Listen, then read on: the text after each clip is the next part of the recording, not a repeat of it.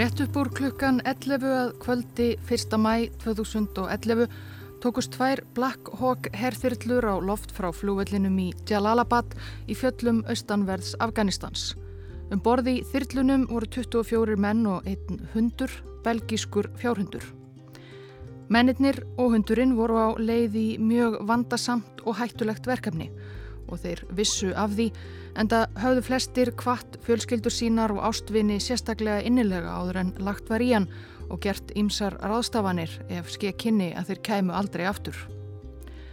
Ljóslausar í næturmyrkrinu flugu þyrlutnar í austur yfir landamæri Afganistans og Pakistans og stemdu á sifjulegt útkverfi þar sem grunur leik á að allræmdasta hriðiverkamann heims væri að finna.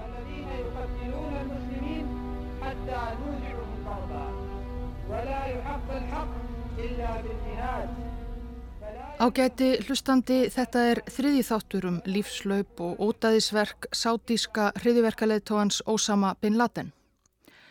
Samtökin sem stöpnuð höfðu verið í Afganistan og Bin Laden flutt með sér til Sútan í upphafi tíunda áratögar Al-Qaida gerðu sína fyrstu árá sem beint var að bandaríkunum 29. desember 1992 Sprengju árásir á tvö hótel í hafnaborginni Aten í Jemen sem nokkur áður hafðu hýst bandaríska herrmenn á leið til Sómalíu. Engan bandaríkjaman sagaði svo að árásirnar vöktu ekki mikla aðtegli Vestanhafs. Og þó svo að lögreglan í Jemen kemi upp um tengsl jemensku árásamannana við starfsemi arabískra augamanna í Afganistan og auðmannin Bin Laden gatt sáhaldið áfram viðskiptarekstri sínum í Sútan og mætti bladaviðtölu og haldið því ótröður fram að hann væri bara verktaki og bondi. En í raun og veru var hann ekki bara að rækta grænmeti og ávexti á umfangsmiklum landaregnum sínum í Sútan. Þar hlaut stöður ströymur ungra manna frá ímsum kemum Arabaheimsins þjálfun í hriðjuverkum og hernaðalistum. Síðan heldu þeir aftur til síns heima eða annað út í heim hafandi svarið Bin Laden hotlustu eið manninum sem eitt sinn hafi barist gegn Sovjetríkunum en einblindi nú helst á einn óvinn, Bandaríkin.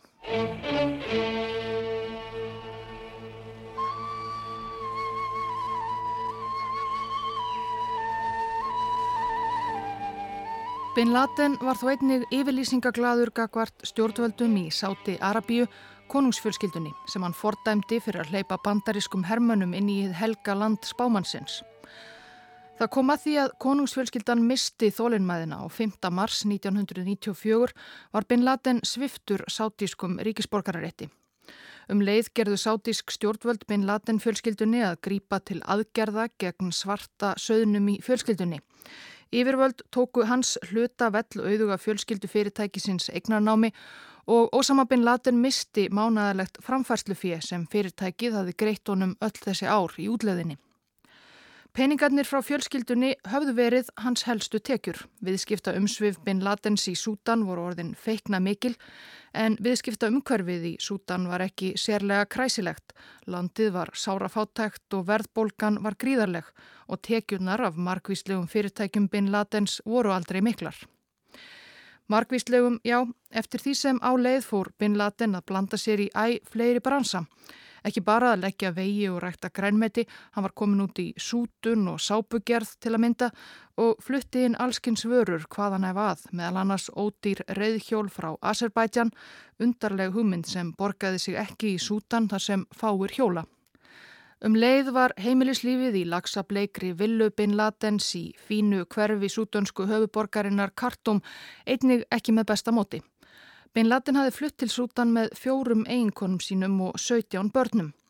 Eins og framkom í síðasta þætti voru eiginkonurnar ólíkar. Þeirri fyrstu hafi Bin Laden gifst þegar þau voru bæði á táningsaldri, hinnar þrjár voru eldri tilvonandi piparkerlingar hefði Bin Laden ekki gifst þeim eins og sútönsk kunningakona fjölskyldunar orðaði það í síðasta þætti.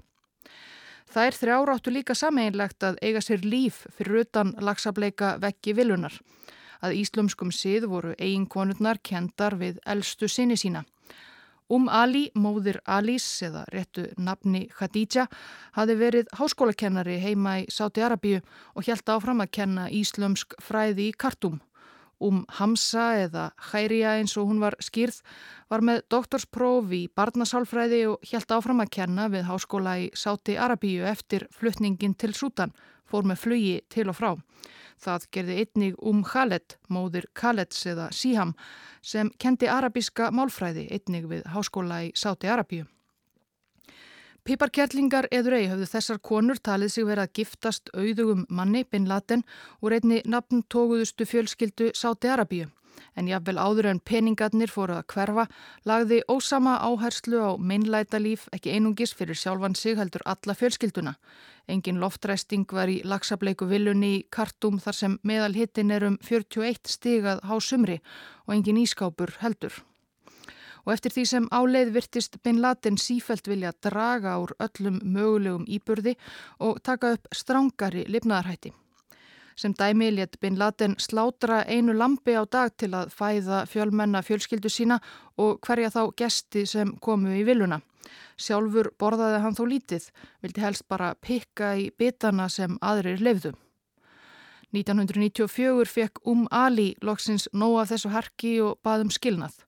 Hún tók Alísinn, elsta svonin sem þá var 8 ára og tvær dætur og flutti heim til fjölskyldu sinnar í Mekka. Förum örlítið aftur í tíma.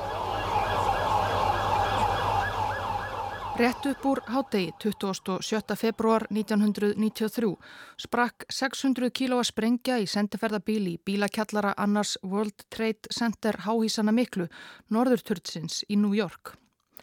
Þrátt fyrir að sprengjan veri öflug, greinilega myndir þess að valda mikilli eðileggingu og miklum dauða, fór betur en áhorðist, einungi sex manns týndu lífi en meira en þúsund slösuðust. Rannsókn bandarísku alríkislauruglunar á árásinni gekk furðu greiðlega, ekki síst vegna afar vanhugsaðra ákvarðana árásamannana.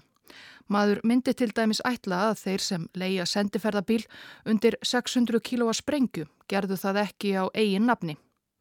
En palestínumadurinn Mohamed Salame gerði einmitt það og eftir að sendiferðabílinn sprakk í bílakjallara World Trade Center tilkynnti hann bifræðina stolna og mætti á bílaleguna og vildi fá tryggingafið endurgreitt. Það var 4. mars, rúmri viku eftir sprenginguna og alrikislauruglumenn voru mættir á bílaleguna til að handtaka Salame. Salamið þessi var herskár íslamisti sem hafi verið ólögulega í bandaríkunum árum saman. Handtaka hans leiti alrikislaurugluna FBI svo til fleiri samsærismanna og staða þeim tengdum til íraska sprengjusérfræðingsins Abdul Rahman Yassin sem bjó með móður sinni í Jersey City og skamt var á honum til leigu íbúðar manns sem kallaði sig Ramsi Youssef þar sem fundust í mistæki tól og efni til sprengjugerðar. Júsef sjálfur var hins vegar ekki á staðnum. Hann, sem hafi lagt leigu sendiferðabílnum í kjallara World Trade Center, hafi nokkru síðarum dægin stíð upp í flugvél alls óáreittur og flóið til Pakistan. Ramsi Júsef var fættur í Kuveit en foreldrar hans voru báðir frá Pakistan. Áður en hann flutti til Bandaríkjana 1992 hafði hann verið í Afganistan í þjálfunabúðum á vegum Al-Qaida. Sprengju árásinn á tvíburaturnana World Trade Center 1993 má segja að hafi opnað augu bandarískra yfirvalda fyrir þeirri hættu sem stafaði af herskáum íslamistum. Alrikis lauruglumenn sem hinga til hafðu aðalega haft hugan við skipulaða glæpastarsemi eins og mafíuna þurftu nú að kynna sér og klíma við algjörlega nýjan og framandi menningarkima. 25. april 1996 samþykti Öryggisráð saminuðu þjóðana viðskipta þvinganir á stjórnvöld í Sútan. Ástæðu þvinganana var að finna í atbyrði næstum ári áður, 27. júni 1995. Menn vopnaðir hríðskotariflum og handsprengjum sátu fyrir bílalest Hosnís Mubarak Egiptalandsforsetta í Addis Ababa höfuborg Eþjópíu þar sem þá fór fram leðtóafundur Afrikubandalagsins. Tilræðið mistókst. Árásamönnunum tókst einungis að myrða tvo af lífvörðum Mubaraks og fimm fjallu úr þeirra eigin hópi. Að baki tilræðinu stóð Al-Jihad, ekifsk öfgasamtök Æmans al-Sawahiri sem við kynntumst í síðasta þætti. Sawahiri hafði kynst Bin Laden í Pakistan og Afganistan. haft mikil áhrif á hugmyndafræði hans og fyllt honum svo til Sútan á samt hópi herskára Egipta. En þrátt fyrir að Bin Laden beindi orðið spjótum sínum helst að bandaríkunum beindist reyði Sáahíris en mest að heimalandinu Egiptalandi og mishefnað tilræðið við Mubarak forsetta spratt af því. Rannsókn Eþjópiumanna á tilræðinu leiti fljótt í ljós ábyrð Sáahíris og manna hans og bentu til þess að þeir hefðu notið aðstóðar frá stjórnvöldum í Sútan, þess vegna viðskiptaþinganinnar. Og í kjölfar þeirra fóru stjórnvöld í Sútan að evast um ágæti þeirra stefnu sem þau höfðu hingað til fyllt að leifa hriðjuverka og öfgamönnum að lifa og starfa óáreittir innan landamæra Sútans. Ekki nómið að Sútanar hefðu bóðið Ósama bin Laden að setja stað í landinu, líka Ayman al-Zawahiri sem átti dómað baki í Egiptalandi og meira að segja einn allræmdasti hriðiverkamæður 20. valdar í nokkur ár notið hælis í Sútan, Carlos Sjakali. Þó reyndar þegar þarna var komið sögu höfðu Sútanar loks framselt hann til Fraklands þar sem hann var eftirlýstur fyrir fjölda glæpa. En hvað átti nú að gera við bin Laden? Það var erfitt að senda hann aftur til Sáti Arabíu. Hann hafi mist ríkisborgararétt sinn þar og sátar þvegið hendur sínar af þessum svarta söiði, vildu alls ekki sjá hann aftur. Sútanski ráðamenn hafa síðar sagt að þar á bæ hafi menn meira að segja haft samband við sendiráð bandaríkjana í landinu og spurt hvort bandaríkin vildu taka við gallagripnum Bin Laden. Því var hafnað. Bandarísk yfirvöld vissu þarna vel af Bin Laden en litu ekki á hann sem sína mestu okn. Sáu hann bara sem auðmann sem notaði auðafi sín til að styðja við bakið á hriðiverkamönnum og aukasinnum og mögulega fjármagna þjálfunabúðir. Hann var ekki eftirlýstur í bandaríkunum fyrir neina glæpi. Það var ekkert sérstatt sem tengdi hann við sprengju árásina á World Trade Center til að mynda. Eftir viðræður við aðstur áðamenn í Sútan fjælst Bin Laden þó loks á að fara, sjálfviljúur. Það var lúpulegur endir. Fæstum af eignum sínum í landinu gætan komið í verð, yfir völd gerðu vinnuvélar hans upptækar og sjálfur stóðan uppi með fátt nema skuldir þegar yfir laug. Nákvæmlega hversu miklu hann tapaði á Sútans æfintýrinu er fólk ekki samála um, eitthvað á bylunu 20 til 300 miljónum dollara og það voru ekki margir staðir sem hann gatt farið nema aftur til Afganistan. 18. mæ 1996 flög Osama bin Laden frá Khartoum í síðasta sinn áleiðist til borgarinnar Jalalabad í afgönsku fjöllunum. Múslimar heims hafa vaknað og átt að segja á að þeir eru aðalskotmörk árásargýrni bandalag síjónista og krossfara. Fjölda morð á múslimum í öllum hlutum heims hafa flett ofan af öllum þeirra falsivilýsingum og áróðri um mannréttindi. Svo síðasta og versta af þessum árásum sem múslimar hafa sætt frá dauða spámansins er hernám lands hinn að tvekja helgistada af herjum hinn að bandarísku krossfara og bandamanna þeirra. Í ágúst 1996 byrti Sam Arabís dagblad með rittstjórnarskrifstofur í Lundunum Al-Quds Al-Arabi yfirlýsingu sem barst með faksi frá Osama bin Laden í Afganistan. Það sem kallað er fatwa í íslamskri lögspeki, trúarleg tilskipun. Í tilskipuninni sem er fjölmarkar síður að lengt og uppfull af tilvísunum í sögu trúarinnar hvetur bin Laden lesendur til að grípa til vopna gegn þeim sem hann kallar krossfarana, bandaríkinn. Þetta var stríðsyfirlýsing. Múslima bræður mínir, bræður ykkar í Palestínu og í landi helgistaðana tvekja byðla til ykkar um að taka þátt í baráttunni gegn óvinninum, bandaríkjamannum og Ísraelum. Þeir byðja ykkur um að gera hvað sem í ykkar valdi stendur til að rekja burtu óvinnin, niðurlægðan og gjör sigraðan úr helgidómum Íslams. Þegar bandaríski herrin fór af stað til að verja Sáti Arabíu fyrir árás Íraks í Persaflóastriðinu höstið 1990 höfðu bandarísk yfirvöld lofað sátum að hermenn þeirra myndu fara heimáleið um leið og aðgerðum leki. Það tók ekki nema nokkrar vikur að rekja herr Saddams Husseins Íraks forsetta á braut en þarna meira en fimm árum síðar voru bandarískir hermenn enn staðsettir í Sáti Arabíu eða landi hinn að tvekja helgistada eins og Bin Laden orðarða Moskana í Mekku og Medínu.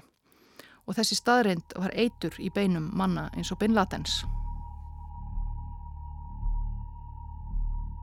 Þær þrjár einkonur sem Bin Laden átti eftir fylgdu honum til Afganistans sem eftir mikið umrót eftir stríðs árana var þá komið á vald hinnar öfuga íhaldsömu Talibana reyfingar. Landið var illa leikið eftir stöðuan ófrið í meira en áratug og eigin kvenna og barna Bin Ladens beigð ekki auðveldara líf en í kartúm. Bin Laden kom sér fyrir með fylgismönnum sínum á gömlu samirkjubúi fyrir utan Jalalabad þar sem einungis var ramagn í þrjár klukkustundir á dag og öll nútíma tækni af skortnum skamti en það leitt fjölskyldufaðurinn slíkt hortnöga. Fleiri Al-Qaida liðar sem einnig fyldu leittóanum til Afganistans fengur svo að hreðra um sig í hellum og göngum sem Bin Laden hafi látið grafa í fjöllin suður af Jalalabad hella sem kölluðust Tóra Bóra. Hjá bandarísku leinithjónustunni voru einhverjir að byrja að kveikja á því að sátíski aðtafnamadurinn eins og hann kallaði sig gæti verið möguleg okn. Í ágúst 1993 hafði sérfræðingur hjá utaríkisráðuneytinu að nafni Gina Bennett skrifað fyrstu skýsluna þar sem minnst var á mannaðnafni Osama Bin Laden. Bennett hjælt áfram að fylgjast með Bin Laden næstu árin og þegar hann flutti frá Sútan til Afganistans list henni ekki á blikuna. Dvöl Bin Ladens í Afganistan, þar sem mörg hundruð arabískir mútsjahítín stríðsmenn hljóta þjálfunni hriðjuverkum og leiðtúar öfgasina koma oft saman, gæti til lengri tíma litið orðið hættulegra hagsmunum bandaríkjana en þryggja ára samstarf Bin Ladens og stjórnvalda í Sútan. Gina Bennett átti eftir að hafa rétt fyrir sér. Það var enda lítið annað að gera í fjöllum Afganistans en að leggja á ráðinum árásir og ódæði. Og þegar leið á tíunda áratugin fór Osama Bin Laden ekki beint lengt með fyrirætlanir sínar.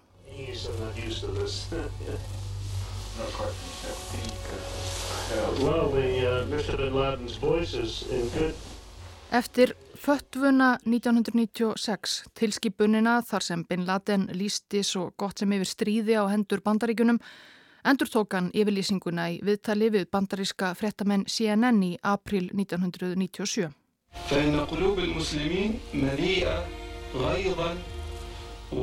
Hjörtu múslima eru uppfull af hatri í gard bandaríkjana og fórseta þeirra. Stjórn bandaríkjana er óréttlátt. Þau hafa fram í ljóta og glæpsamlega verknaði. Pítur Bergen, pródusent CNN sem tók viðtalið á samt frettamanninum Pítur Arnett í Moldarkova í fjöllum Afganistans, hefur síðar líst því hversu undrandi hann var þegar heim var komið og viðtalið vakti frekar litla aðtikli. Jafnvel þó þar talaði maður opinskátum hriðjuverk gegn bandaríkinum. En Ósama bin Laden hafði svo sem ekki gert mikið hinga til. En það var að breytast. Hver eru framtíðar áform þín? spurði fréttamaður í lokviðtalsins. Ósama kýmdi. Þið sjáu það og heyrið í fjölmiðlum, ef Guður lofar. Rett fyrir 11. morgni 7. ágúst 1998 sprungu bílasprengjur fyrir utan sendirað bandaríkjana í Dar es Salaam höfuborg Tansaníu og Nairobi höfuborg Kenya. Sprengjurnar sprungu nær samstundis þó næri þúsund kilometrar séu milli höfuborgarna tvekja. Báðar sprengjur á pallbílum sem lagt var næri sendiráðunum tveimur voru öflugar en allu mismikilli eðileggingu. 213 manns letu lífið í Nairobi í Kenya og um 4.000 manns slösuðust. Betur fór í Dar es Salaam í Tansaníu, 11 letu lífið og 85 slösuðust. Í báðum borgum voru flestir þeirra sem letu lífið ekki sendir á starfsmenn eða bandaríkjamenn yfir leitt, heldur óbreytir kenískir og tansanískir borgarar, starfsmenn í skrifstofubyggingunum í nákrenninu og gangandi og agandi vekkfærendur á raungum stað á raungum tíma. Skotmörkin voru þó greinilega viðgirtar sendiraðsbyggingar stórveldisins í vestri. Bandaríska leinithjónustan CIA hafði þarna loks sett á stofn sérstaka greiningadeild sem fyldist með umsvifum ósama þessa Bin Ladens sem alltaf af og til dúkaði upp í rannsóknum á herskáum íslamistum. Það gerði CIA 1995. En umsvifin höfðu verið lítil hinga til.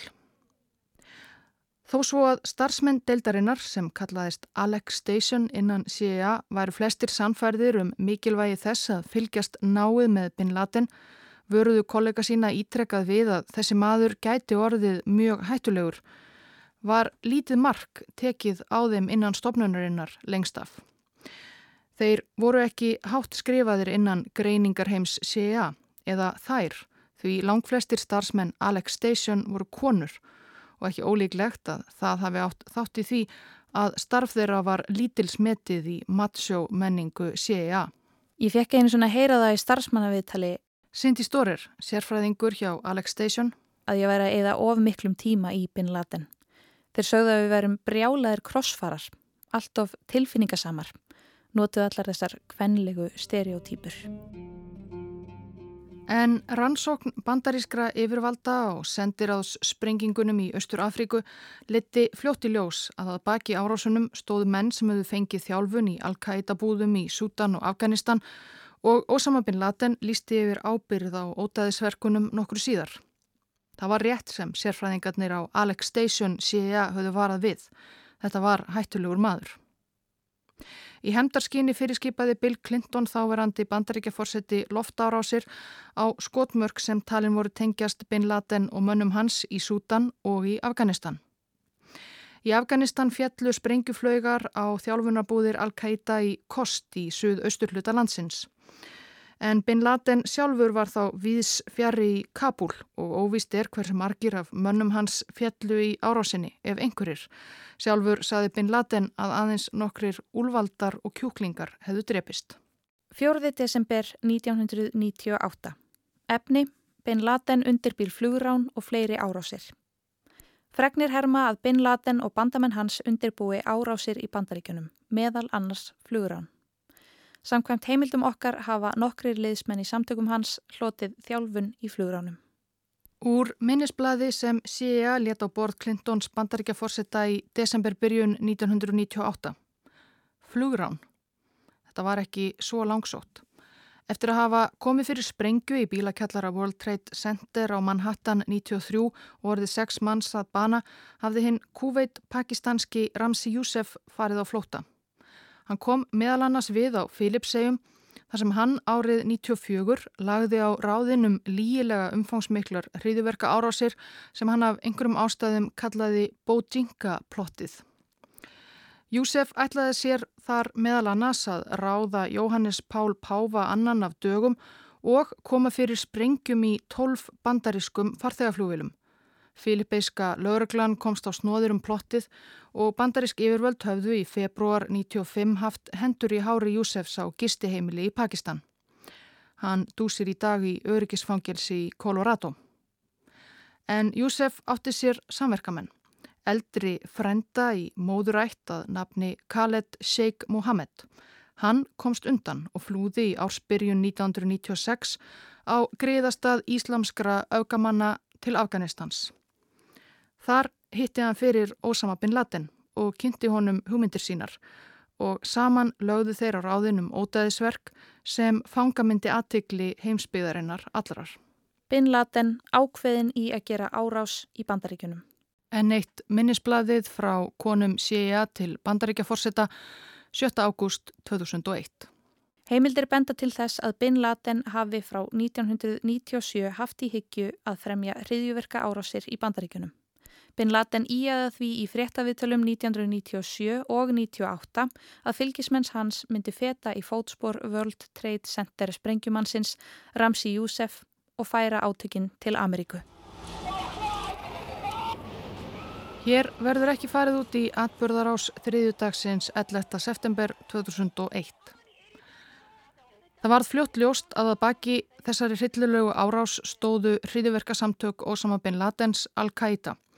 Bin Laden var því einu vetfangi allræmdasti hriðverkamæður heims. Mörgum leið ítla dagana eftir 11. september. Þar á meðal voru konurnar á Alex Station sem reynthöfðu að vara við, áranguslaust. En bandarísk stjórnvöld töldu sig vita að Bin Laden væri enn í Afganistan þar sem hann hafi dvalið undan farin ár. Bandaríkja herr réðst inn í landið örfáum vikum eftir hriðuverkin 7. oktober 2001. Í desemberbyrjun réðst bandarækja herr svo af fullum þunga á Tóra Bóra hellana þar sem talið var að Bin Laden heldi til með mönnum sínum. Barist var um hellana í tíu daga en hverki fannst tangunni tettur af Bin Laden. Hann slapp og kvarf út í myrkrið.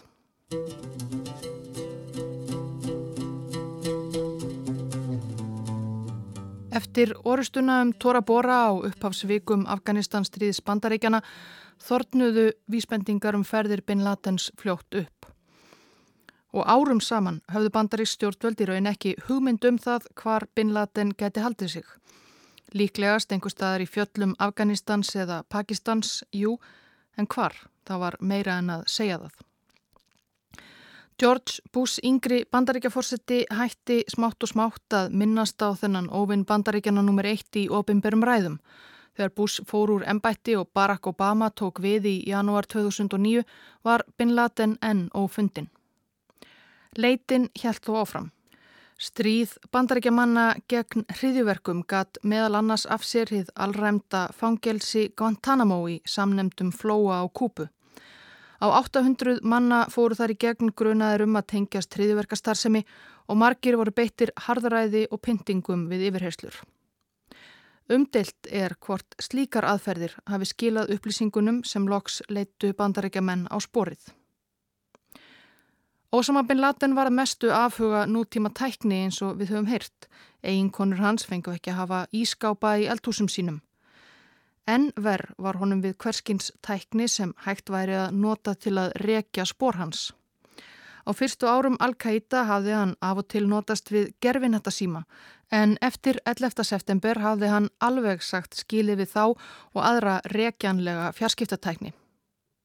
Enguða síður gatan hvar sem hann var niðurkomin reglulega sendt frá sér yfirlýsingar og fyrirskipanir. Engun veginn var hann í sambandi við umheimin og samtöksín. Eitt forgangsatriði bandarískra yfirvalda í leitinni að Bin Laden var því að reyna að hafa upp á sendibóðum sem hann hlitið að nota til samskipta. Og það var í yfirheyslu klefum Guantanamo sem bandaríkja menn komist á snóðir um mann sem kallaður var Abu Ahmed al-Kuwaiti. Það er dullnefni, al-Kuwaiti þýðir einfallega Kuwaitin. Hann var sagður einn af lærisveinum Khalid Sheikh Mohammed ofarlega í stjórnskipan Al-Qaida og hafa þjálfað mennina sem flugu farþegaþótunum á tvíbraturnana 11. september. Og hjá CIA vöknuðu grunnsemdir um að hann geti verið einn af sendibóðum leðtóhans.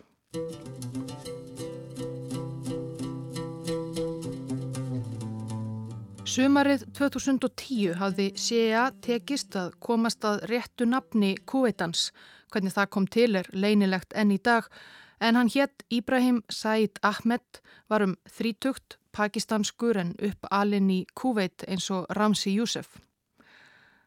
Leini þjónustan var þá líka farin að fylgjast með farsíma í hans eigum sem leiti í ljós að Kuwaitin dvaldi reglulega í Peshawar í Pakistan og átti samskipti í síma bæði á arabísku og pastó, tungumáli sem talaðir í Pakistan og Afganistan.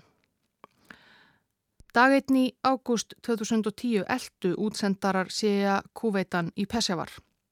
Hann settist á bakvið stýrið á kvítum Suzuki Jeppa og óg út úr borginni í austur, niður úr fjöllunum 200 km leið til borgarað nafni Abbottabad. Þar óga niður malarbottlanga í útkverju borgarinnar að stóru íbúðarhúsi sem var umkringt háum veggjum eins og virki.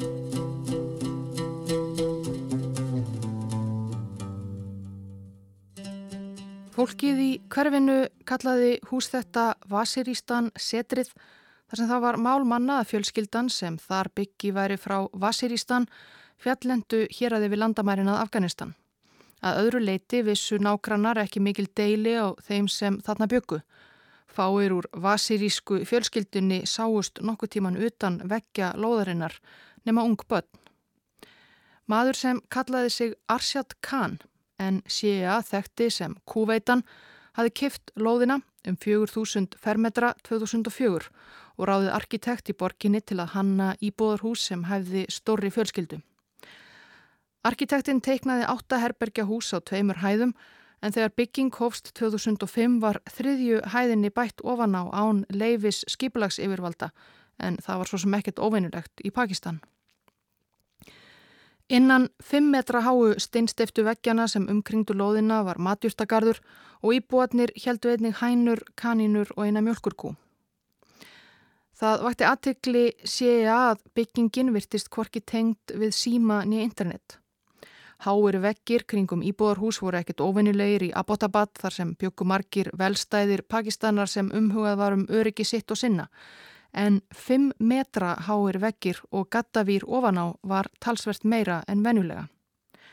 Þetta var sankallað virki og ef kúveitin sem séja hafði eldað virkisveggjunum var enn virkur liðsmaður Al-Qaida hvern gáttu samtökin hafa spanderað svo miklu í að verja. Það hlaut eiginlega að vera sjálfur höfuðpörin. En hvernig mætti sanna það? Það var hægara sagt en gert en það öryggisgæslan í kringum bygginguna gríðarleg. Ekki var bara hægt að ráðast með bissur og lofti inn í enga heimili í Pakistan, Erlendur ríki sem heita átti vinnuveitt bandaríkunum. Sér að menn fengu ímsar miskoður hugmyndir. Væri hægt að koma sjónauka fyrir einhver staðar í nálægu fjalli og fylgjast þannig með húsinum en veggir huldu stóran hluta byggingarinnar og gluggarnir á efstuhæðinni voru fáir og ör smáir. Væri hægt að svæla íbúana út með fílubombum eða með því að útvarpa úr hátölurum að ofan rött guðs sem krefðist þess að þau kæmi út á götu. Þessar tilugur voru ekki reyndar. En ímislegt var reynd. Séa stóð fyrir bólusetningar átaki gegn livrabólgu B í Abbottabad Hjúgrunafræðingar gengu hús úr húsi og buðu ókipis bólusetningar, allt í vonum að geta þannig náði erðaefni úr einhverjum íbúa Vasiristan setursins til að bera saman við erðaefni úr ættingum Bin Ladens sem leini þjónustan hafði undir höndum. En það tókst ekki. Kúveitin virtist búa í byggingunni á samt fjölskyldu sinni og bróður En þar bjó einnig fleira fullorðið fólk, bendi þvotturinn á snúrunum úti til og fjöldi barna. Börnin töluðu við vini sína í nákrenninu um dularfullan frænda sem byggi með þeim en færi aldrei út úr húsinu. Gerfinhattamindir af byggingunni síndu að einn hávaksin heimilismadur fór í reglubundna göngutúra í matjustagarðinum gekk í litla ringi eins og fangi á afmörkuðu útivistarsvæði fangelsis. Ómögulegt var að ná góðri mynd af gungumanninum þar sem plasttjald var yfir matjustagarðinum og maðurinn var jafnan með barðastóran kúrekahatt á höfði.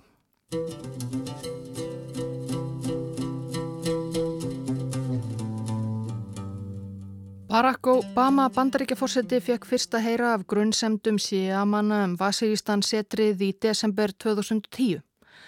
Á fyrstu mánuðum ársins 2011 voru tíðir fundir um dularfulla í búðarhúsið í Abbottabad en síamenn sögðust aldrei meira en 60, 70, 80% vissir um að Osama bin Laden væri að finna þar innandira.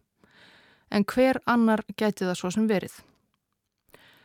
Obama-forseti hafi gert það að ná Bin Laden eitt af forgangsmálum sínum og um miðjan april 2011 samþekti hann endanlega áformum að ráðast inn í Vasiristan setrið í Abbottabad. Það tók Black Hawk þyrllur bandaríska hersins 90 mínútur að fljúa frá Jalalabad í Afganistan til Abbottabad í Pakistan tungskinnslausa aðfaranótt annars mæ 2011. 23 úrvalsveitarmenn bandaríska sjóhersins um borð, svo kallaðir Navy Seals, voru öllu vanir og þaul efðir, höfðu æft aðgerðina í vendum í eins nákvæmu módeli af Vasiristan setrinu og lóðinni í kring og und var að smíða. Belgíski fjárhundurinn Cairo var þaul efður sumuleiðis. Það var enn síðdegi fyrsta mæ í Washington höfuborg bandaríkjana þar sem Obama fórseti, Biden varaforseti, Hillary Clinton utaríkisráð þeirra og fleiri fyrirmenni fyldust með drónamyndum af aðgerðum í fundarherbergi í kvítahásinu. Þvert á það sem stóði í sumum bladagreinum og eins og maður sér í kvikmyndum höfðum við enga leið til þess að sjá hvað átti sér stað inni í sjálfri byggingunni. Hillary Clinton síðar. Það eina sem við gáttum gert var að býða eftir fregnum frá teiminu á staðnum. Ég fylgist með fórsetanum, hann var rólegur. Sjaldan hef ég verið stolt af því að starfa við hlið hans og ég var þennan dag. Markmiði var að þyrlutnar flýju óséðar til Abbottabad og sérsveitamennir innan borðs myndi svo láta sig síga niður að villunni og ráðast inn. Það fór ekki alveg svo. Önnur þyrlan lendi í vandræðum yfir húsinu og brotlendi innan vekja lóðarinnar. En engan sakaði alvarlega. Sérsveitamennir stukku út og brötu sér leið inn í bygginguna. Nokkrir hermannana sem tóku þátt í aðgerðunum í Abbottabad hafa síðar skrifað bækur, líst reynslu sinni í viðtölum og heimildamindum. Frásögnum þeirra ber ekki alltaf saman um nákvæmlega hvað átti sér stað inni í vilunni. Hermenn brutu sér leið upp á þriðjuhæð, skutu á leiðinni til bana Kúveitan, einn af eldri svonum Bin Ladens og fleiri, upp á þriðjuhæðina þar sem Bin Laden hjælt til.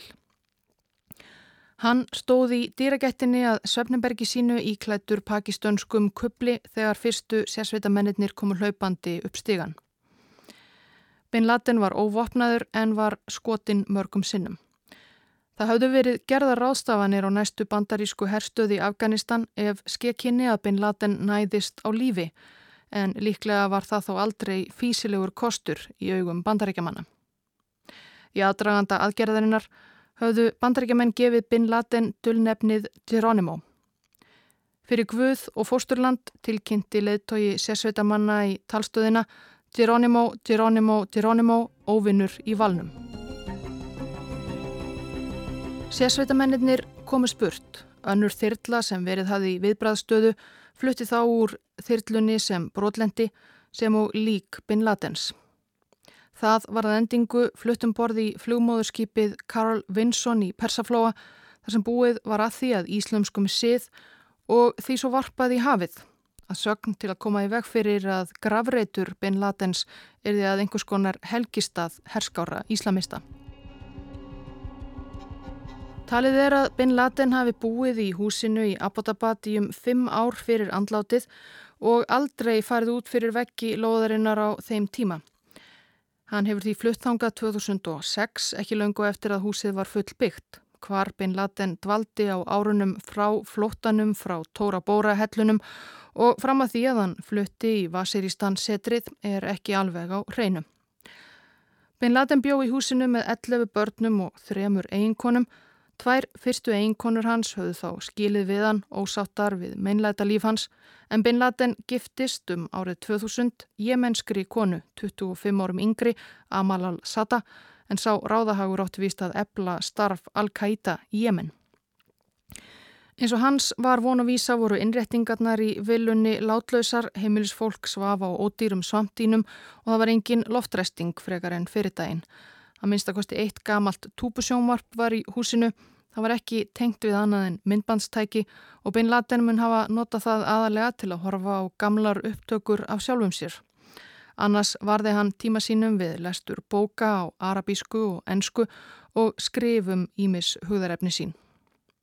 Lagt var hald á mikið magn gagna þegar bandaríkjaman réðust inn í Vasiristan setrið, pistlar og predikanir, skjölum starfsemi Al-Qaida víða um heim og það sem vakti aðtikli gárunga í fréttaflutningi af málinu umtalsvert sapn klámefnis sem sagt var nútímalegt þó að bandarísk yfirvöld hafi aldrei viljað tjá sig mikið um það nákamlega af hvaða toga það var.